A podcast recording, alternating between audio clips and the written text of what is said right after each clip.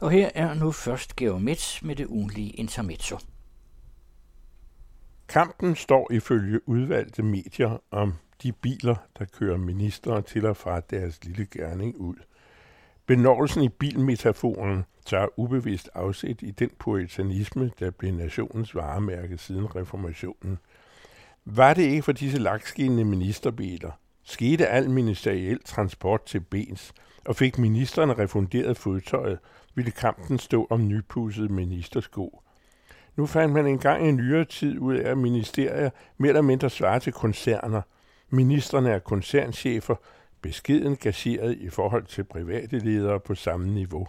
Til gengæld er arbejdstiden morderisk, opposition og pressens angreb er ens betydende med daglige mavesmerter og befolkningens taknemmelighed en vittig mangelvare. At nogen gider. Men så er der det med magten.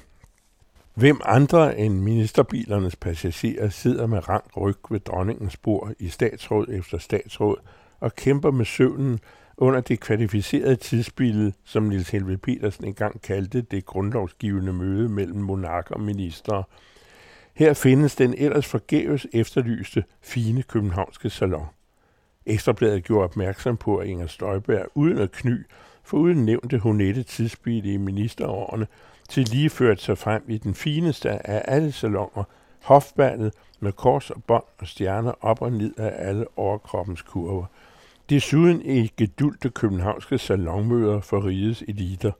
Denne betragtning fra den virkelige virkelighed er sikkert af mindre betydning for den flok, der støtter Støjbær med en trofasthed, som var det den snart spionagesigtede Donald Trumps tilhængere. Konkurrencen om magten og magtens prærogativer er som sagt sat ind.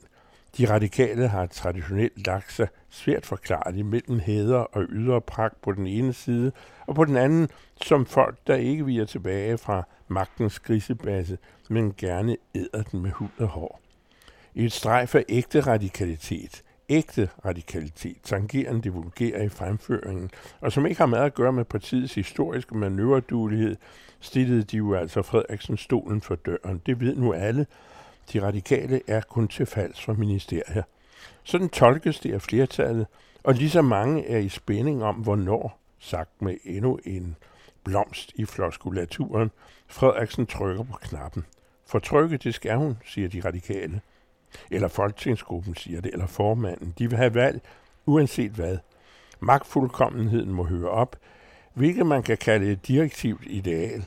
Må en magtfuldkommenhed som sådan fordufter, fordi de radikale siger det.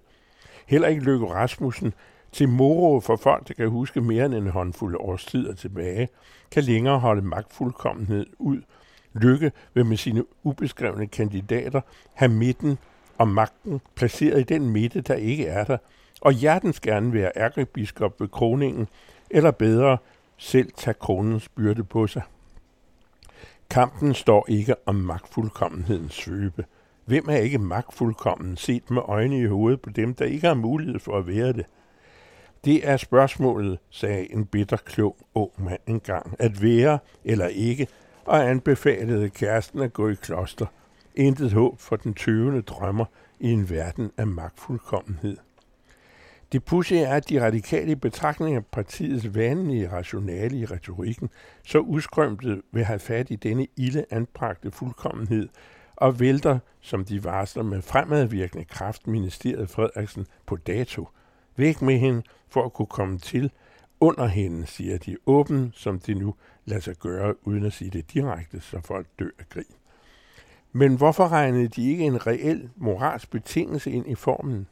Hvis du ikke henter de døende børn med deres forliste mødre hjem fra lejrene nu, så vælter vi dig på den og den dag, gerne under åbningsdebatten, så der ikke bliver noget at snakke om, i stedet for den skide mink. Udsigterne til opgøret om magt og det fuldkommende er tåget. Målingerne kan ikke blive enige, formentlig fordi vælgerne ikke kan. Stod det til kvinderne alene, blev der klart rødt flertal med en stærkere Frederiksen. Mændene derimod er blånende, var mandfolket enerådende, kunne Morten Messerschmidt sove roligt i bakkens hvile, i hvert fald til november og dommen forsvinden. Mændene synes at købe en hvilken som helst friseret platulepopulisme, om det så er fra en partiformand i et afdødt projekt, eller en tidligere straffefange i fodlænke. Længe leve de nøgterne danske kvinder af alle etniciteter, og hvad køn de end vedkender sig. Alle i blot er til synligheden enige om, at Søren Pape er sagen, og Jakob Ellemann i enhver henseende er nummer to af to. Havde de gamle hørt tale om, at en erklæret konservativ provinciel bøsse, i fald vælgerne nu virkelig går i kødet på den Frederiksenske fornemmelse for magt, faktisk godt kunne blive Danmarks næste statsminister, ville de gamle sikkert ikke høre tale om det. Så nogen fremskridt er der dog sket, mens riden fordamper. Intermezzo hver uge her på den anden radio, og hver fredag til at læse i Information.